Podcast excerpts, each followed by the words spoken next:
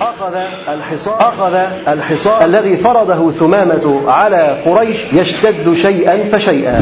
فارتفعت الأسعار وفشى الجوع في الناس واشتد عليهم الكرب حتى خافوا على أنفسهم وأبنائهم من أن يهلكوا جوعا.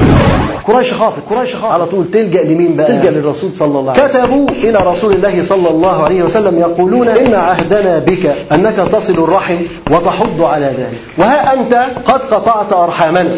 فقتلت الآباء بالسيف وأمت الأبناء بالجوع. وإن ثمامة ابن أسال قد قطع عنا ميرتنا وأضر بنا. وأضر بنا. شخص واحد شخص واحد أضر الدولة تخيل. فإن رأيت أن تكتب إليه أن يبعث إلينا بما نحتاج إليه فافعل. ثمامة واحد من أبناء المسلمين. وهذا الجيل الذي رباه النبي صلى الله عليه وسلم الواحد منه كان ممكن يبقى قائد في حد ذاته ويضر بأمم ظل ثمامة ابن أسال ما امتدت به الحياة وفيا لدينه. جزى الله ثمامة ابن أسال عن الإسلام والمسلمين خيرا وأكرمه بالجنة التي وعد المتقون. بسم الله بسم الله الرحمن الرحيم. الحمد لله والصلاة والسلام على رسول الله وبعد. إخوانكم بموقع صوت السلف. صوت السلف. يسرهم أن يقدموا لكم هذه المادة. علما بأن هذه المادة هي الشريط الخامس من سلسلة قصة الصحابي الجليل. أمامة رضي الله عنه. الحمد لله نحمده ونستعينه ونستغفره. ونعوذ بالله من شرور أنفسنا ومن سيئات أعمالنا. من يهده الله فلا مضل له ومن يضلل فلا هادي له وأشهد أن لا إله إلا الله وحده لا شريك له وأشهد أن محمدا عبده ورسوله صلى الله عليه وسلم. ثم أما بعد نستكمل مشيئة الله الكلام في قصة الصحابي الجليل ثمامة ابن أثال رضي الله عنه. ثمامة بن أثال رضي الله عنه، وذكرنا أن ثمامة رضي الله عنه قد أسلم. وحينما أسلم تذكر أنه قد آذى المسلمين ايذاء شديدا وأنه قد قتل من المسلمين قتلا عظيما ثم إن ثمامة رضي الله عنه أراد أن ينتصر للنبي صلى الله عليه وسلم وأن يفعل شيء لهذا الدين. ثمامة رضي الله عنه كان يقصد العمرة حينما قبض عليه جند المسلمين. ولكن بعد ما انتهى الأمر وأسلم فيسأل النبي صلى الله عليه وسلم هل له أن يقضي العمرة وأن يبدأ العمرة من جديد ويتم العمرة من جديد؟ فالنبي صلى الله عليه وسلم أخبره أن نعم يتم العمرة بل يبدأ عمرة من جديد لكنها عمرة على شريعة الله عمرة على منهج الله ورسوله صلى الله عليه وسلم. إذا ثمامة رضي الله عنه سوف يعبد ربه بطريقة جديدة. بعد ما كان يعبد الأصنام وكان يعتبرها إما رب أو توصل للرب فهو سيجدد الأمر ويعبد إلها واحدا لا شريك له عرفه وعرف رسوله صلى الله عليه وسلم. وهنا كان لابد أن يتغير ثمامة رضي الله عنه. وذكرنا أن الإنسان في حياته أشياء كثيرة جدا تحتاج إلى التغيير. فكل إنسان في جاهليته غير ما يكون ملتزم وغير ما يدخل في دائرة العمل لدين الله تبارك وتعالى. فالإنسان فرحه لابد أن يتغير حزنه لابد أن يتغير. أفراحك. يعني أنت كنت تعمل فرح فين زمان؟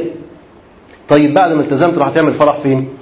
تخيل مثلا أنك أنت قبل كده عملت فرح اتجوزت مثلا عملت فرح أو في أسرتك عملوا فرح. الفرح كان بيبقى في النادي مثلا أو بيكون في أي مكان من الملاهي التي يسهرون فيها وينشئون فيها تلك الأفراح. لكن بعد ما التزمت وأصبحت رجل ملتزم هل تنشئ الفرح برضه في نفس المكان اللي كان فيه الاختلاط واللي كان فيه العري واللي كان فيه الأغاني وكان فيه الموسيقى وكان فيه هذه الأشياء كلها ولا هيكون الأمر جديد؟ لابد أن يتغير هذا الأمر. فالإنسان حتى في فرحه لابد إن هو يتغير. في حزنه كان بيعمل شادر وبقى وبقى يفتخر إن الشادر دوت طويل نص كيلو طوله نص كيلو وفي كراسي كتير وكراسي حمراء وكراسي سفنج وكراسي كل دوت لابد أن يتغير. بعد ما التزم خلاص. مجرد حضورك للجنازة هو دوت العزاء مجرد إنك أنت تشارك الراجل في الحضور وتدعو للميت وتشاهد دفن الجنازة أو تتبع الجنازة أو تصلي على الجنازة صورة من صور المشاركة والتعزية. الأمر اختلف ما عادش فيه سوانات ما عادش فيه بدع بنعملها. اختلفت أفراحك اختلفت أحزانك. كنت مهتم بتسمع إيه؟ لما كنت بتقعد قدام مثلا التلفاز كنت بتسمع إيه؟ كنت بتنتظر الأفلام وتنتظر المسلسلات وتنتظر كذا وكذا وكذا. لكن بعد التزامك انت أصلا بتقول التلفاز ده أصلا هينفع أقعد قدامه. ولو قعدت هقعد أشوف إيه؟ هتبص لنفسك بقى النهارده هتحب تدخل على القنوات الفضائية اللي هي فيها المشايخ والعلماء واللي بيدوا الدروس والمحاضرات والندوات. توجهك اختلف. أفكارك بدأت تختلف. مفاهيمك بدأت تتغير. لماذا؟ لأنك التزمت. والالتزام ده بيجدد. بيجدد كل حاجة. حتى رنات المحمول.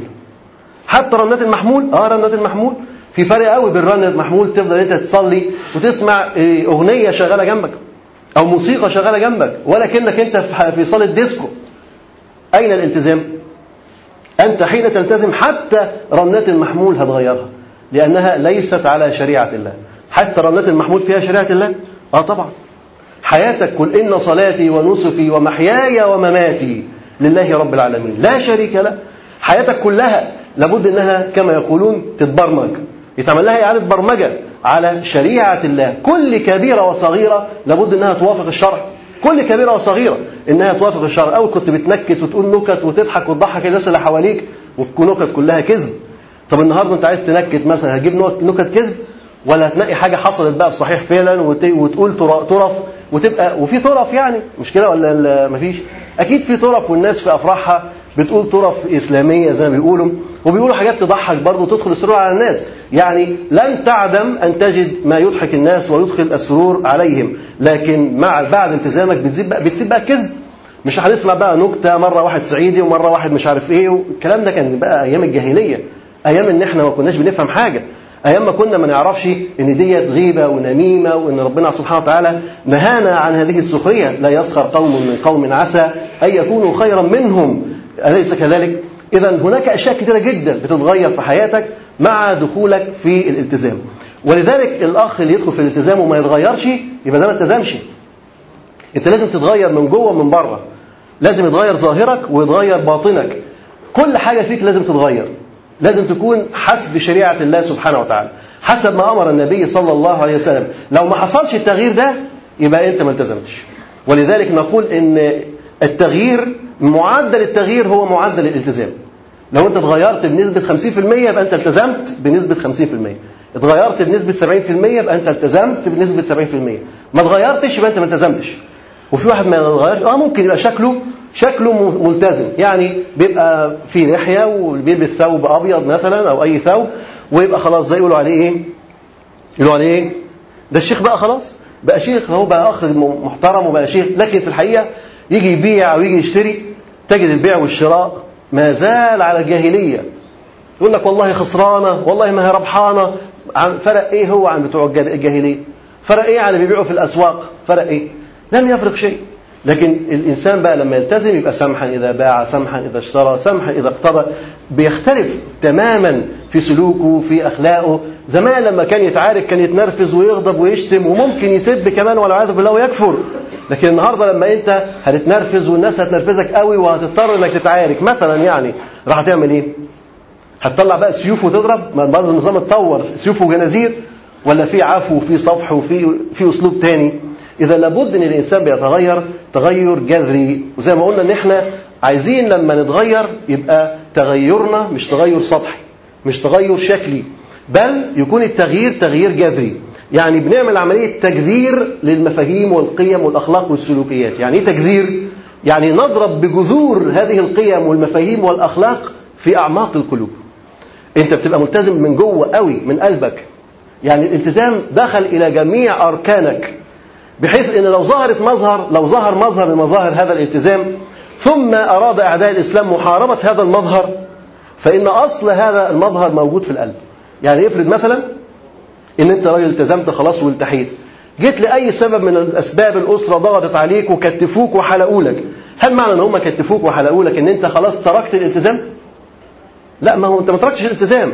لأن اللحية بالنسبة لك ما كانتش هي المظهر ده بس لأ دي هي متأصلة في قلبك.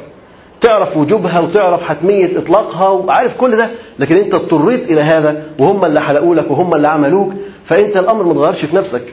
ماذا يفرق هذا الموقف من عمار رضي الله عنه لما كان بيمر النبي عليه الصلاة والسلام على عمار وهو يعذب؟ آل ياسر كانوا يعذبون وكان عمار يعذب والنبي صلى الله عليه وسلم يقول يعني يمر عليه فعمار متأذي لأنه ضغط عليه حتى قال كلمات في النبي صلى الله عليه وسلم. عمين يعذبوه؟ عشان بس يسب الرسول عليه الصلاة والسلام أو يقول أي كلمة وحشة في حق النبي صلى الله عليه وسلم. وعمار من شدة الضغط قال فكان قلبه متأذي جدا ومتأثر جدا. فلما مر عليه النبي عليه الصلاة والسلام فالنبي عليه الصلاة والسلام قال له كيف تجد قلبك؟ قلبك عامل إيه؟ حب الرسول عليه الصلاة والسلام متجذر في القلب ولا كان سطحي؟ كيف تجد قلبك؟ التزامك متجذر في أعماق القلب ولا سطحي؟ كيف تجد قلبك؟ قال مطمئن بالإيمان. مطمئن بالإيمان. مستقر. ساكن. لا يمكن أن تهزه أي شيء. قال مطمئن بالإيمان. قال فإن عادوا فعد. يعني إن عادوا إلى الضغط عليك لتسبني فسب لكن قلبك شكله إيه؟ مطمئن بالإيمان. قال فإن عادوا فعد. وأخذ يعذب رضي الله عنه وغيره وغيره من أصحاب الرسول عليه الصلاة والسلام. فنقول إن التغيير لابد أن هو يكون تغيير جذري. لو لم يكن هذا التغيير تغييرا جذريا في حياة أصحاب النبي صلى الله عليه وسلم ما رأينا الواحد منهم بعد ما كان مطرف في المدينة يبقى معذب ويصبر على هذا العذاب. مصعب بن عمير هذا كم يبتلى وكم يصبر وكم يعذب وهو كان مطرف في هذه المدينة. مصعب بن عمير رضي الله عنه كان مدلل في المدينة. تخيل كده إن شاب مدلل. أمه ما عندهاش غيره مثلا. أو هو الشاب الفتى المدلل اللي عندها. عنده أيوه اخ ولا حاجة لكن هو ده الفتى المدلل. وكانت بتستورد له ملابسه وعطور اللي هو بيحطها. تخيل بقى كده لما مثلا تكون أنت يعني اللي متدلل عند والدتك وهي اللي بتصرف عليك ببذخ وبتجيب لك اللي أنت عايزه ومش من البلد. دي بتستورد لك. كان يلبسه الحضرمي. يعني كان بيلبس في رجله النعل المستورد اللي جاي من حضرموت مش بقى صناعة مدنية ميد إن كرايش لا ما فيش الكلام ده. ده جاي من حضرموت على طول. مستورد يعني. وكانت تجيب له. كانت تجيب له العطور من أروع العطور ومن أبعد الأماكن حتى يضعها. يمشي في المدينة معروف إن ده مصعب اللي معدي من ريحته من شكله من هيئته. هو دوت اللي لما يدخل الإسلام تضغط تضغط عليه امه ضغط شديد جدا حتى يفارق هذا الدين. لكنه لأن الدين قد وصل إلى أعماق قلبه لا يفارقه. امه عارفة إن هو بيحبها جدا وإنه لا يصبر على فراقها فتهدده تضغط على نفسيته طب مش واكلة. تعمل إضراب عن الطعام. الأم عارفة إن في إضراب عن الطعام وتعمل إضراب عن الطعام يوم واثنين وثلاثة والأم خلاص هتنهار من شدة الإضراب مضربة فعلا. مش بتاكل في السر. لا دي مضربة مضربة. حتى رآها تنهار فقال لها يا أمي لو أن لك مئة نفس خرجت نفسا نفسا على أن أترك هذا الأمر ما تركته. فكلي إن شئت أو لا تأكلي. شوف الصمود؟ بقول لها يا أمي أنت لو ليكي 100 نفس خرجت واحدة ورا الثانية بالمنظر المؤلم ده تخيل كده إن والدتك مش عايزة تاكل عشان خاطرك. أنت عامل حاجة وهي غضبانة عليك وهي مش راح تاكل غير لما أنت تحلق لحيتك. مثلا يعني وانت صامت صامت صامت وهي بتموت بتموت بتموت. طبعا مش معقول عشان اللحيه انت هت... هتسيبها تموت. لا إحنا بنقول مثال يعني. فانت صامد وهي عمالة هتموت. فلصموده ولتمسكه بالدين بلاش مثال اللحيه ده. انت مثلا أسلمت وهي مثلا ما زالت على الكفر. وهي لك خلاص أنا هموت. يا تفضل على النصرانية معايا يا إما أنا هموت. انت شايفها بتموت قدامك. وكل شوية جسمها ينحل ويضعف وتقوم تدوخ وتقع في الأرض تاني. انت شايفها بالمنظر دوت؟ هتعمل إيه؟ وإنت ابنها وإنت اللي بتحبها وإنت اللي كنت حنين عليها وهي اللي كانت بتصرف عليك وهي وهي وإنت وإنت راح هتعمل إيه؟ أكيد الإنسان أمام هذه المشاعر ممكن ينهار لكن مصعب بن عمير رضي الله عنه الذي تجذر وتأصل الإيمان في قلبه لم يرضخ لهذه الضغوط النفسية ولا العاطفية فقال لها يا أمي لو أن لك مئة نصف شوف البر وهي كافرة. وهي بتضغط عليه وهي عمال تعذبه نفسيا. هي ما مسكتش سيف وحرقته لكن هي عمال تعذبه نفسيا وتضغط عليه نفسيا. زي ما أنت أمك بقى تمسك سلاح البر وتقول لك أنت كده ما بتبرنيش. أنت لازم تقعد جنبي. يا أمي عندي درس تقول لك البر. روح طيب وأنا مش راضي عنك. جدع روح أنت اتحرك تقدر تتحرك؟ لا مسكت لك سيف ولا عورتك. أم دبلوماسية. عرفت إزاي تجيبك من الآخر يعني. ماسكاك وهي ضاغطة عليك من غير ما تعمل لك حاجة. ام مصعب كانت كده تقول له هي سكت مش عايزة لا تاكل ولا تشرب. وهو صامد في الآخر لها يا أمي والله لو أن لك مئة نفس خرجت نفسا نفسا. يعني شوف لما الواحد يشوف أمه ماتت مرة بيحزن ويتألم. طب تاني مرة؟ طب لما تتألم قدامك 100 مرة قد إيه العذاب والألم النفسي اللي أنت تشعر به على أن أترك هذا الأمر ما تركته. فكلي إن شئتي أو لا تأكلي. عايزة تاكلي تاكلي وتفكي الحصار اللي أنت عاملاه. وتقطع الإضراب أو ما تاكليش أنت حرة. فطبعا يئست. يئست لما عرفت صموده. ولذلك أكلت وتركت إيه؟ وتركته على أمره وعلى دينه. فأصحاب الرسول عليه الصلاة والسلام لو لم تتأصل هذه المعاني الإيمانية في قلوبهم ما استطاعوا أن يقفوا أمام هذه الأمور العاتية. تخيل هذه الفتن مين مننا يصبر عليها؟ حد مننا يقدر يصبر على مثل هذه الفتن القوية العاتية؟ أصحاب الرسول عليه الصلاة والسلام إن لم يتربوا على هذا وتأصل وتجذر الإيمان في قلوبهم ما كان لهم الإمكانية أن يصبروا أو يتحملوا ضغوط الأسر وضغوط القبيلة وضغوط العشائر ما كان لهم أن يصبروا. ولكن النبي عليه الصلاة والسلام أصلهم ورباهم صلى الله عليه وسلم. المهم أن ثمامة رضي الله عنه أسلم. وبمجرد إسلام ثمامة كان شيء عجيب أنه هو متمسك بهذا الدين تمسك غير عادي. يعني الإنسان لسه بيسلم لسه مش عارف دينه. سمامة رضي الله عنه أسلم وهو يتعلم هذا الدين ويتمسك بهذا الدين ويحب أن يفدي نفسه أو يفدي هذا الدين بنفسه وماله وأهله وكل ما يملك. يريد أن يضع نفسه وسيفه وكل ما يملك تحت أمر وتحت طوع النبي صلى الله عليه وسلم. يقول نفسي وسيفي ومن معي. فالنبي صلى الله عليه وسلم يأذن له بالعمرة يأذن له بالتغيير. أن يتغير من داخله وأن يبدأ هذه العمرة على شرعة الله. يخرج ثمامة ويتوجه إلى الكعبة ويدخل على ملأ كبير في مكة ويلبي لبيك اللهم لبيك بصوت مرتفع.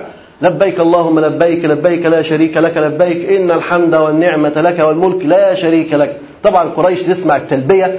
وده كان أول واحد إيه زي ما قلنا أول واحد يلبي في مكة. بعد إيه؟ بعثة النبي صلى الله عليه وسلم. أول واحد يلبي.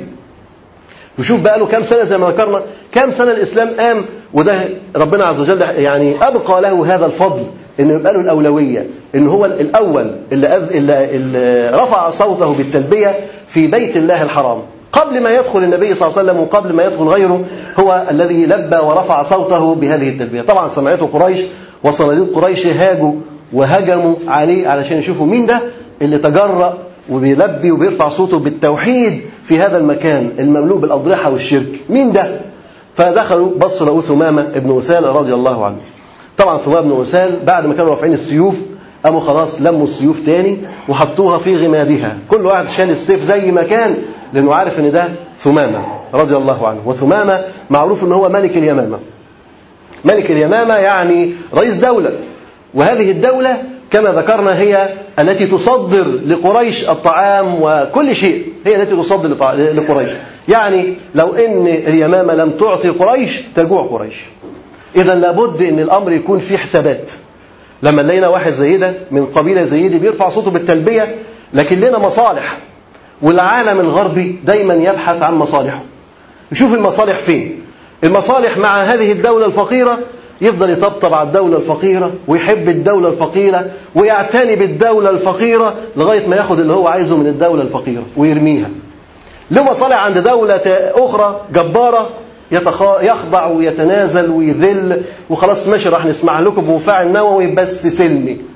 بلاش بقى الحرب وبلاش الحاجات اللي هي بتفرقع وتموت.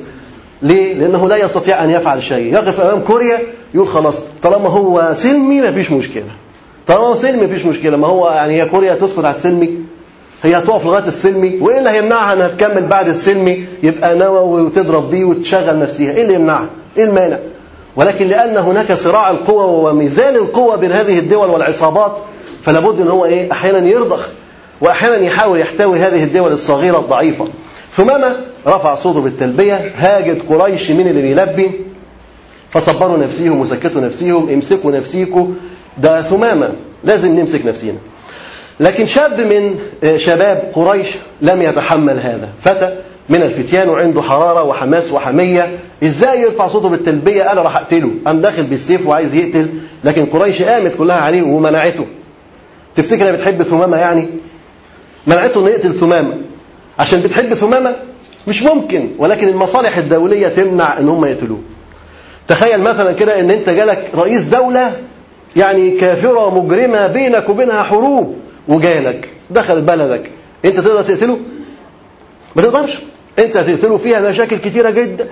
وفيها بقى دم كبير قوي ممكن يحصل. فانت بتضطر ان انت ما تعملوش حاجة. تضطر ما تعملوش حاجة. فثمامة في وسط هؤلاء في وسط هؤلاء يرفع صوته بالتلبية. شاب يحاول يقتله كلهم يمسكوا ايده. لا ما تقتلوش ده ثمامة. إيه الموضوع؟ ده ملك اليمامة. فصبروا عليه وكلموه. انت إيه اللي جرالك؟ صبوت يعني كفرت. رجعت عن دينك فقال لهم إن هو أسلم بيصحح المفاهيم. بيصحح المفاهيم. زي ما قلنا لما واحد يقول لك أنت أنت اندروشت تقول له أنت إيه؟ تقول له لا أنا التزمت. تفهمه المصطلح الجديد. لا دي مش دروشة ده التزام. فأنت بتوضح له المصطلح الجديد. زي ما فراش تقول له أنت سبقت كفرت. فيقول لهم لا ده أنا أسلمت. المعنى الصحيح إن أنا أسلمت. عدت إلى الله سبحانه وتعالى ويحلف لهم أمامهم أنهم لن تصل إليهم حبة من اليمامة حتى يؤمنوا بالنبي صلى الله عليه وسلم. وقلنا ان ده ضغط شديد جدا من ثمامة عليهم. يعني ثمامة بيحلف لهم بيقسم. قدامهم كلهم هو ممكن يقتلوه ويقسم إن مفيش حبة حنطة سوف تصل إليهم من اليمامة. لا حبة شعير ولا حبة أكل مفيش أكل هيجي لهم. من اليمامة. طيب هو راجل حلف اهو ليه ما موتوهوش ما هو حلف؟ قال والله ما أنا بعت لكم حاجة. لإمتى؟ حتى تتبعوا محمد صلى الله عليه وسلم. يعني هو عايزهم يدخلوا في الدين. ده لحميته ولحماسه. عايز يدخل الناس في الدين كده بالعافية. لكن المسألة مش مسألة عافية. هو ثمامة رضي الله عنه دخل الدين بالعافية؟ ده هو ثمامة نفسه ما دخلش بالعافية. ثمامة لما اتقبض عليه النبي عليه الصلاة والسلام تركه في المسجد. تركه في السريه ما بك ما عندك يا ثمامة؟ ما عندك يا ثمامة؟ ما عندك يا ثمامة؟ سابه بقى بعد كده يروح. ما ضغطش عليه ما قالوش اسلم يحسن أقتلك. سابه فالنبي عليه الصلاة والسلام لم يضغط على أحد حتى يدخل في هذا الدين. لكن ثمامه من حميته وحرصه وحبه لهذا الدين قال لهم لن تصل إليكم حبة حنطة حتى تتبعوا محمد صلى الله عليه وسلم. وأقسم على ذلك وتمم عمرته وذبح الهدي. بقى ليس للأصنام ولكن لله سبحانه وتعالى. وطاف وتمم العمرة ورجع إلى بلاده سالم آمن غانم. ثم اجتمع بقومه وحذرهم أن يبعثوا شيئا إلى قريش. إدى تعليمات وفرمانات ممنوع التصدير. قفل باب التصدير وقطع العلاقات الدبلوماسية بينه وبين قريش. ممنوع حبة حنطة تصل إلى هؤلاء الذين حاربوا النبي صلى الله عليه وسلم فاتبعوه. قوموا مع أنهم ما زالوا على الكفر لكن عملوا إيه؟ سمعوا كلامه حاضر سمعا وطاعة ونفذوا. وده يدل على مكانة ومهابة ومنزلة ثمامة رضي الله عنه في وسط هؤلاء الناس. كلهم اتبعوه ومنعوا التصدير لقريش. ثم بعد ذلك أخذ الحصار الذي فرضه ثمامة على قريش يشتد شيئا فشيئا. فارتفعت الأسعار وفشى الجوع في الناس واشتد عليهم الكرب حتى خافوا على أنفسهم وأبنائهم من أن يهلكوا جوعا. فعلا الموضوع دخل في الجد. وثمامة رضي الله عنه فرض الحصار فرض الحصار. اللي حصل نتيجة الحصار المفروض أول دفعة ما راحتش. طب هو لسه عندهم أكل في المحلات ومش عارف إيه باعوا واشتروا وعاشوا أسبوع ولا حاجة. طب تاني أسبوع خلاص. اللي كان عنده شوية رز خلصهم واللي كان عنده شوية دقيق خلصهم واللي عنده شوية أكل خلصهم. طب وبعدين؟ الحاجة بقت قليلة. الحاجة قليله في السوق. طيب الحاجة قليله تخيل نفسك تاجر ومع وانت اللي عندك القمح والبلد كلها ما فيهاش قمح. هتبيعه برضه بجنيه وباتنين جنيه ولا بدينار واتنين دينار ولا تبدأ ترفع؟ تبدأ ترفع الأسعار ترفع الأسعار. ليه؟ لأن التاجر ده كله طمع كله غش كله غدر. التاجر ده مش خايف غير على نفسه بس. التاجر ده ما بيحبش غير نفسه بس. زي ما الدولة كلها قريش بتبحث عن مصلحتها برضه أفرادها بيبحثوا عن مصلحتهم. إزاي أنا أعيش؟ إزاي أنا آكل؟ ومش مهم المجتمع يهلك ويموت دي مش مشكلتي. هكذا يفكر أهل قريش. ولذلك ارتفعت الأسعار جدا. وبعد ما ارتفعت الأسعار الناس بتشتري. نفدت البضاعة. نفدت البضاعة. طب وبعد ما نفذت البضاعة خلاص كل الناس قعدت اللي معاه فلوس واللي معهوش فلوس قاعد جعان مستني الموت. مستني يموت لكن إحنا نقف شوية ونشوفهم. لما النبي صلى الله عليه وسلم حوصر في شعب أبي طالب هل الأسعار ارتفعت؟ لما النبي حاصر الأسعار ارتفعت الناس كلت بعضيها الناس موتت بعضيها إيه اللي حصل؟ النبي عليه الصلاة والسلام ظل حصاره ثلاثة أعوام. تخيل ثلاث سنين النبي عليه الصلاة والسلام وقبيلته محاصرين. طبعا النبي عليه الصلاة والسلام ده كان واحد في القبيلة لكن بنو هاشم وبنو عبد المطلب لما رأوا أن النبي صلى الله عليه وسلم يضيق عليه فحمية دخلوا معه في الحصار. حمية. يعني ما كانوش لسه مسلمين لا بنو عبد المطلب ولا بنو هاشم كانوا مسلمين. ومع ذلك قالوا إزاي واحد مننا قريش عايزة تقتله؟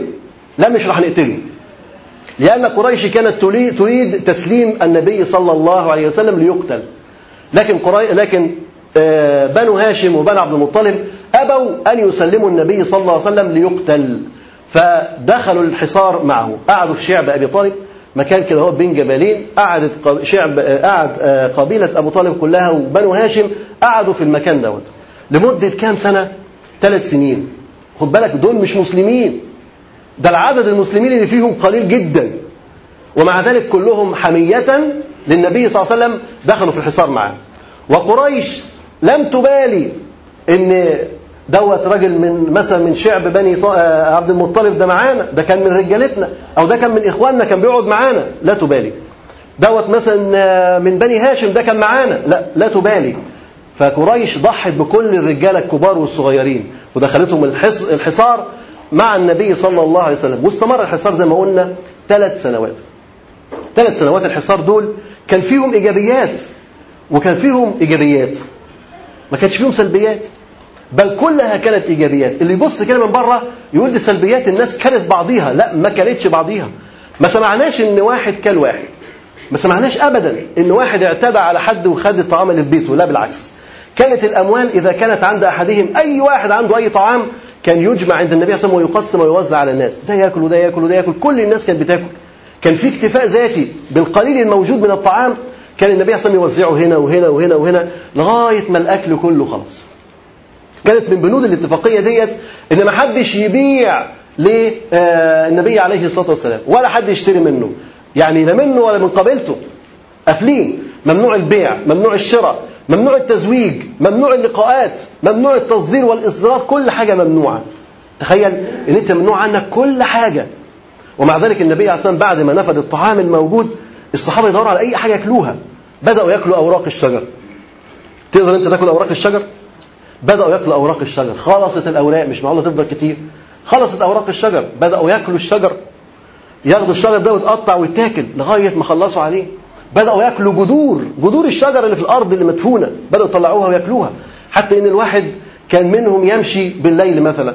فرجله تقع على شيء يعني يخربش هكذا يعمل صوت. فيقوم جاي مدد إيده مطلعه يلاقيه قطعة من الجلد. جلد.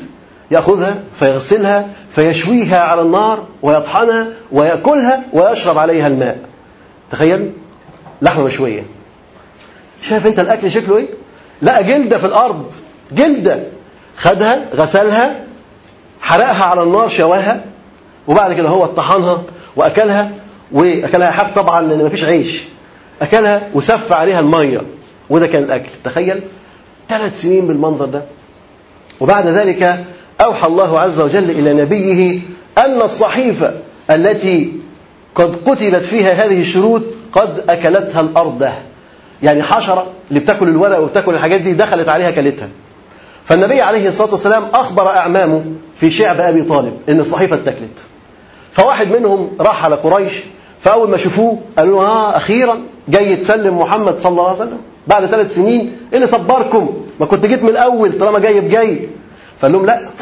ده أنت الصحيفة اتاكلت. الصحيفة اتاكلت مش مصدقين. إزاي؟ قال لهم لا الصحيفة اتاكلت.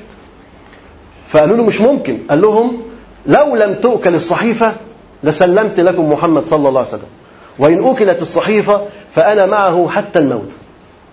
يعني هنا حط شرط بقى. لهم الصحيفة ديت محطوطة فين؟ دي في قلب الكعبة. والنبي عليه الصلاة والسلام أخبر أن الصحيفة قد أكلت. فهو بيقول لهم لو الصحيفة دي اتاكلت فعلا زي ما الرسول صلى الله عليه وسلم أخبر يبقى أنا مع الرسول عليه السلام إلى ما شاء الله. لن أتركه ولن أتنازل عن مناصرته وهو على الكفر ولن أتنازل عن مناصرته. ولو لم توكل الصحيفة يعني لو بدأ أن الرسول صلى الله عليه وسلم لم يصدق في هذا يبقى هيسلمه لهم فورا. فطبعا قريش قالت أكيد هيسلمهن الصحيفة جوه الكعبة والكعبة مقفولة والمفتاح معانا. مفيش مشكلة مين هيأكلها؟ دخلوا فتحوا بصوا لقوا الصحيفة كلها متآكلة إلا باسمك اللهم. فقط الصحيفة كلها متآكلة طبعا هنا انقسمت مكة وانشقت إلى قسمين. قسم يقول إحنا ظلمنا. والدليل على كده إن الصحيفة هذه أكلت وقسم الثاني يقول لك إزاي تقولوا كده هوت؟ لا ده إحنا فالمهم انشقت واتفقوا إن هم لابد إن هم يفضوا هذا الحصار. وانفض هذا الحصار. بعد كم سنة؟ بعد ثلاث سنوات من الحصار. في هذه السنوات الثلاثة النبي صلى الله عليه وسلم لم يترك أصحابه. ولكن كانت قمة التربية لأصحابه كان في هذا الحصار. الإنسان لما يكون في شدة وضغط بيكون أقرب للتربية ويكون أكثر للتجاوب. تخيل نفسك إن أنت مثلا في أسر في أسر مثلا في قيد في سجن في أي حاجة وأنت قاعد مع إخوانك في مكان محدد صغير. هتقعد تعمل إيه؟ هتقعد تقول نكت؟ هتقعد تهزر؟ هتقعد تهرج؟ مش معقول. هنقعد نتدارس نتذاكر نتعلم نتربى. هذه الأماكن سوف تربيك. الحصن هذا أو الحصار هذا الذي ضرب على النبي صلى الله عليه وسلم كان من أهم الأسباب أن يتربى أصحاب النبي صلى الله عليه وسلم على خشونة العيش. تدربوا على خشونة العيش كام سنة؟ ثلاث سنين. عشان ما يطلعش يقول العيش ناشف. مش بقى أنت بتقول العيش بايت الطبيخ بايت لا الرز مش متنقي لا ده فيه قش لا الرز مش عارف كان لا العيش كان فيه إيه لا الطبيخ مالح لا عادب لا محروق. دول كانوا بيحرقوا الجلد ويطحنوه وياكلوه ويشربوا عليه الميه اذا الجيل تربى على الخشونة. اخشوشنوا فإن النعمة لا تدوم. فالجيل اتربى على الخشونة. هذا الجيل لما يخرج من الحصار مش بقى جيل منهار جيل ضعيف جيل عنده أنيميا. لا مفيش الكلام ده خالص. جيل قوي كان بياكل إيه ده؟ كان بيتغذى قلبه على الإيمان. وهذه من أكبر التغذية والتقوية. وذكر الله عز وجل يقوي الإنسان. علي بن أبي طالب رضي الله عنه وفاطمة عندما طلب من النبي صلى الله عليه وسلم من يساعدهم في طحن الطحين فالنبي عليه الصلاة والسلام أرشدهم إلى ذكر الله سبحانه وتعالى. إن هم يذكروا الله. خير لهم من خادم. خير لهم من خادم. إن هو يستعين بذكر الله عز وجل على قضاء حوائجهم. النبي عليه الصلاة والسلام ربى أصحابه في هذا الحصار على ذكر الله وعلى قراءة القرآن وعلى الصلاة وعلى الصبر وعلى الاحتساب وعلى التكافل الاجتماعي. أصبح المجتمع خرج من هذا الحصار وقد انصهر الناس في بوتقة واحدة. في هذا الحصار ناس كثير أسلمت لأنهم رأوا الظلم الذي وقع على النبي صلى الله عليه وسلم ورأوا الآيات والمعجزات التي تحدث بين يدي الرسول صلى الله عليه وسلم. ناس كتير جدا أسلمت. يعني الحصار أكنهم حبسوا لكم شوية في مسجد ويقول لك خد الألف واحد دول مش مسلمين وقدامك ثلاث سنين شوف راح تعمل فيهم إيه. تخيل فرصة دي النبي عليه الصلاة والسلام لم يضيع هذه الفرصة. كل يوم دعوة وإرشاد وتوجيه خرج من الحصار ومعظم اللي كانوا في الحصار أصبحوا مسلمين. دخلوا الحصار كفار طلعوا من الحصار مسلمين. يبقى الحصار كان خير ولا كان شر؟ ده كان خير. عشان تعرف إن كل ما يدبره أعداء الإسلام لو أنت تحسن التصرف فيه وتستعين بالله عز وجل على إنك أنت تتعايش مع هذا تنتج من هذا الحصار وتنتج من هذا التصرف أشياء عظيمة جدا وقوية لدين الله تبارك وتعالى. يقول أخذ الحصار الذي فرضه ثمامة على قريش يشتد شيئا فشيئا فارتفعت الأسعار. ارتفعت الأسعار زي ما قلنا نتيجة إن كل واحد عايز ينظر إلى ذاته إلى نفسه. إزاي أنا أعيش؟ عايز ياخد فلوس عايز يكوش على كل حاجة. وفشى الجوع في الناس واشتد عليهم الكرب حتى خافوا على أنفسهم وأبنائهم من أن يهلكوا جوعا. طبعا الحصار اللي عمله ثمامة رضي الله عنه مع إنه كان حصار يعني كما نرى شديد لكن أيضا فيه الرأفة والرحمة وإلى أمد وله سبب. ومنتظرين إن إحنا نحصل على نتيجة. إحنا مستنيين إن الناس ديت إما إنها تسلم أو ترجع إلى الله سبحانه وتعالى أو تحسن علاقتها بالنبي صلى الله عليه وسلم. فثمامة رضي الله عنه ما كانش يقصد قتلهم ومفيش ولا واحد مات منهم مفيش ولا واحد مات في الحصار لكن لو نظرنا إلى الحصار الذي يفرض على العالم الإسلامي والدول الكثيرة التي يفرض عليها الحصار بما يسمى الحصار الاقتصادي تجد إن نتيجة الحصار دوت آلاف بل ملايين من القتلى نتيجة هذا الحصار الاقتصادي الذي يفرض على الناس. اشتد الحصار فارتفعت الأسعار وفشى الجوع في الناس واشتد عليهم الكرب حتى خافوا على أنفسهم وأبنائهم من أن يهلكوا جوعا. لما خافوا عن نفسهم عملوا إيه؟ قريش خافت على طول تلجأ لمين بقى؟ تلجأ للرسول صلى الله عليه وسلم. رايح على الرسول عليه الصلاة والسلام عند ذلك كتبوا إلى رسول الله صلى الله عليه وسلم يقولون إن عهدنا بك أنك تصل الرحم وتحض على ذلك شوف بقى الحنية بيقولوا إن عهدنا بك يعني إحنا عارفينك ومتعودين عليك إن أنت بتصل الرحم وبتحض على ذلك. يعني بتؤمر أصحابك وأتباعك إن هم يصلوا الرحم. فقالوا إن عهدنا بك أنك تصل الرحم وتحض على ذلك. وها أنت قد قطعت أرحامنا فقتلت الآباء بالسيف وأمت الأبناء بالجوع. يعني يقولوا أنت عهدنا بك إنك أنت بتصل الأرحام.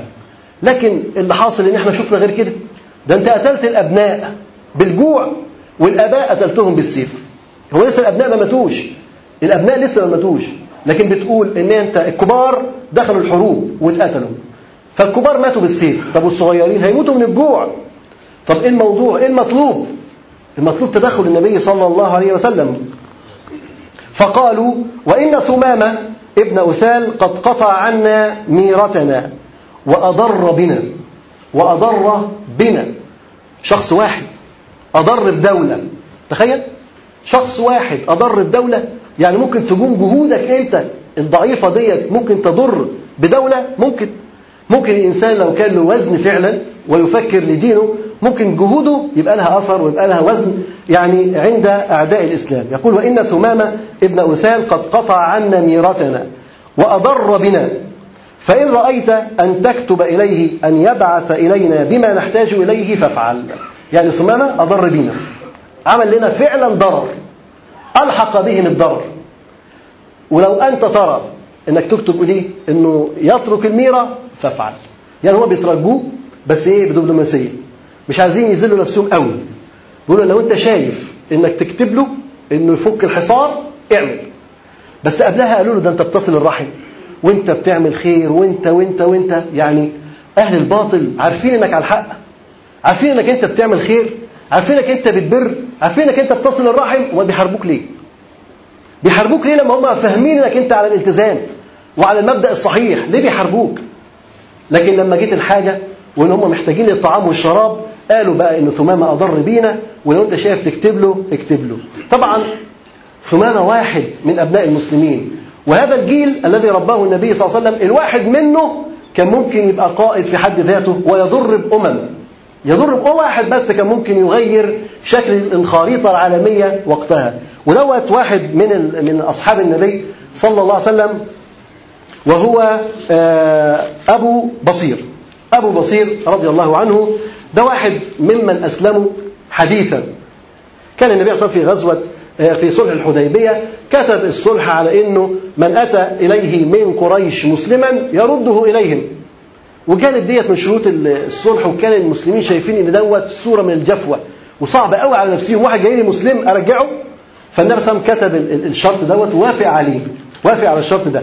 وهو بيوافق على الشرط ده على فكرة كان الاتفاقية مع سهيل بن عمرو. كان اتفاقيه بيكتبها مع سهيل بن عمرو. وكان لسه ما كتبوش بنود الاتفاقيه يعني اتفقوا شفوي البنود واحد اثنين ثلاثة أربعة. خلاص خلاص. لسه ما كتبناش. وما مضيناش. يبقى الاتفاقية لسه ما تمتش. فلسه ما تمش الصلح. فهم بيكتبهم. فجاء أبو جندل ابن سهيل.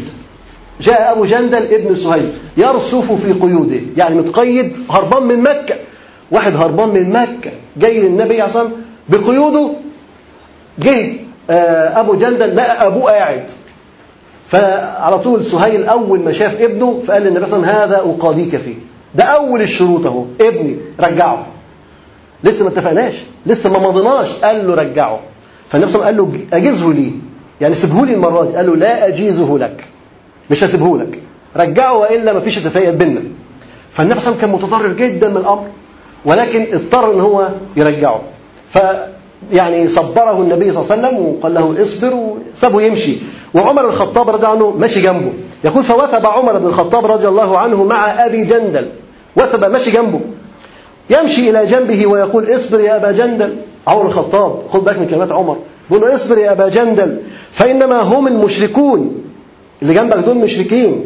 إنما دم أحدهم دم كلب دم هذر دم هذر. ومطلع له السيف وإيد السيف كده عمال إيه يهز بيه. يعني عمر مطلع السيف كده اهوت إيد السيف بقربها لأبو جندل. وبيقول له إنما هو دم كلب ده مشرك من المشركين دمه دم كلب. وهو عايز يقول له خد السيف واضربه وخلص نفسك. طبعا لكن هو التاني مش واخد باله من الموضوع. ده دمه دم كلب هدر مش مشكلة. عمر الخطاب فيقول إنما هم المشركون وإنما دم أحدهم دم كلب هدر. ويعني يدني قائمة السيف من أبو جندل من أبي جندل. يقول عمر رجوت أن يأخذ السيف فيضرب به أباه. ما هو ده أبوه؟ قال له رجوت أنه يأخذ السيف ويخلص عليه ده جاي مسلم. أبوك رجعك فما انتبهش ليها وعدى الموضوع. لكن طبعا ده رجع تاني للمسلمين.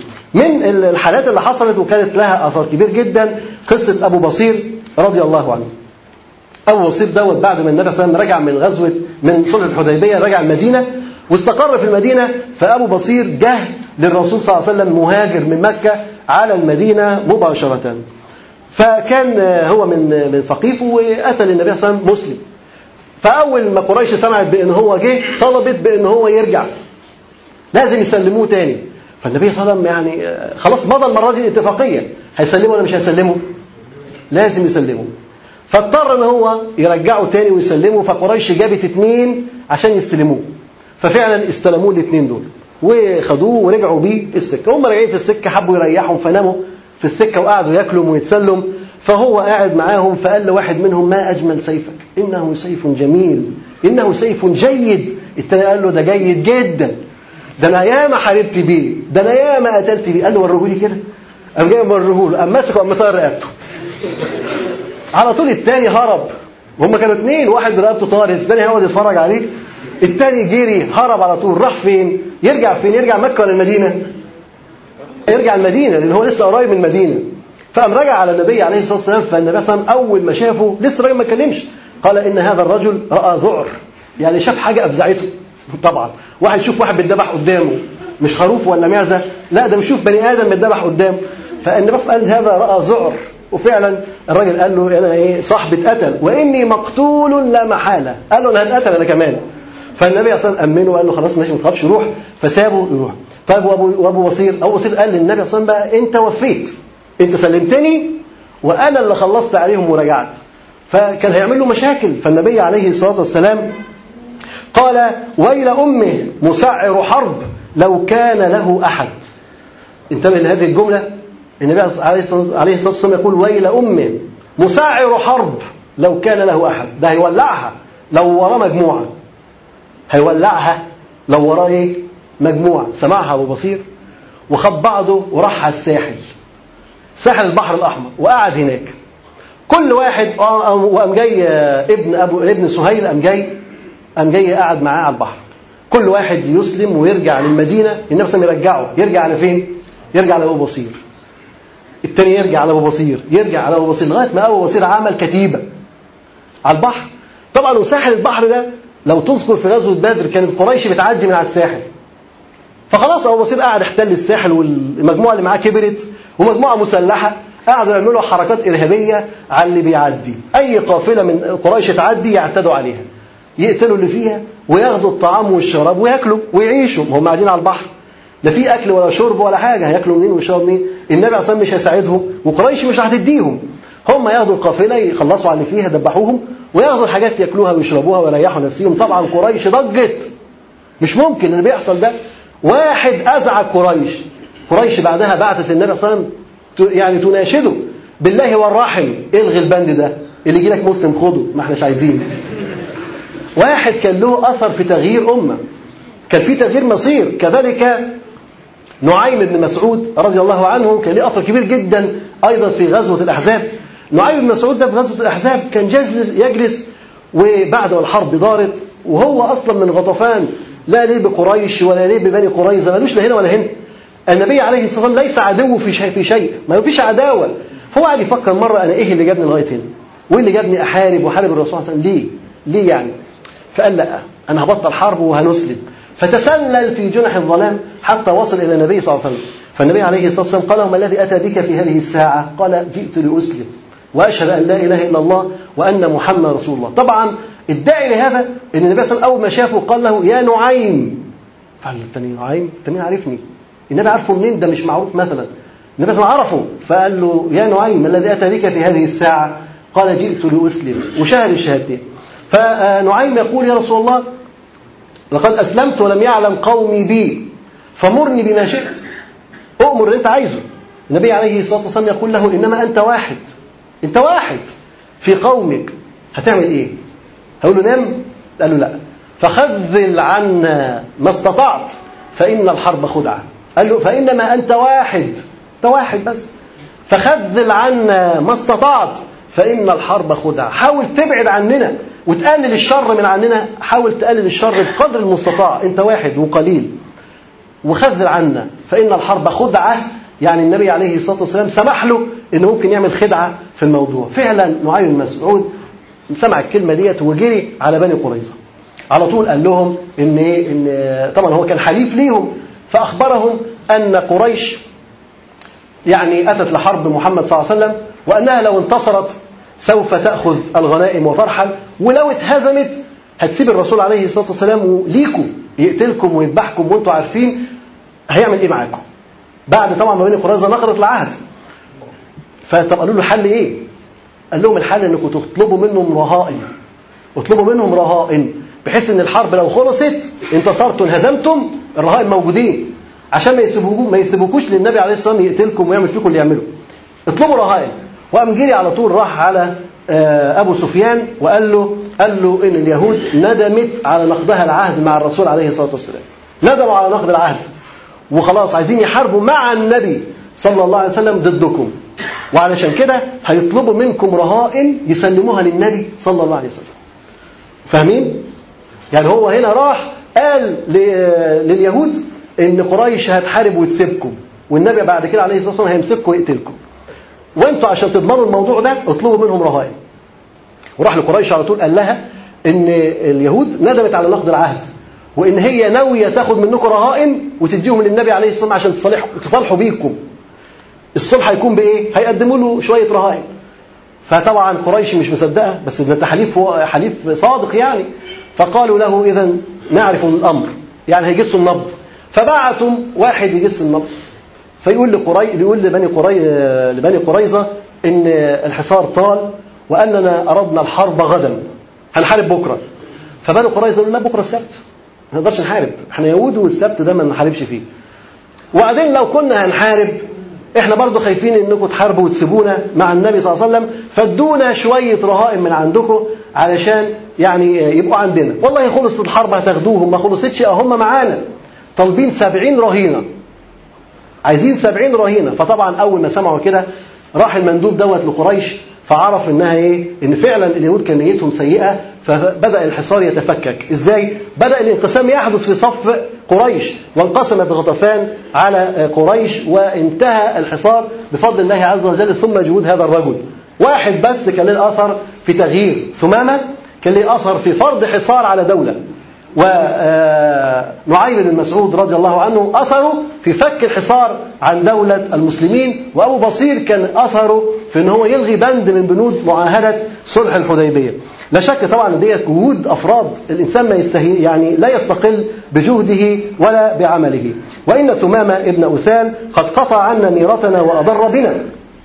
فإن رأيت أن تكتب إليه أن يبعث إلينا بما نحتاج إليه فافعل. فكتب عليه الصلاة والسلام إلى ثمامة بأن يطلق لهم ميرتهم فأطلقها. أول ما النبي صلى الله عليه وسلم له سيب اترك الميرة على طول أسقط الحصار وبعت المعونة مباشرة لقريش حتى تأكلها.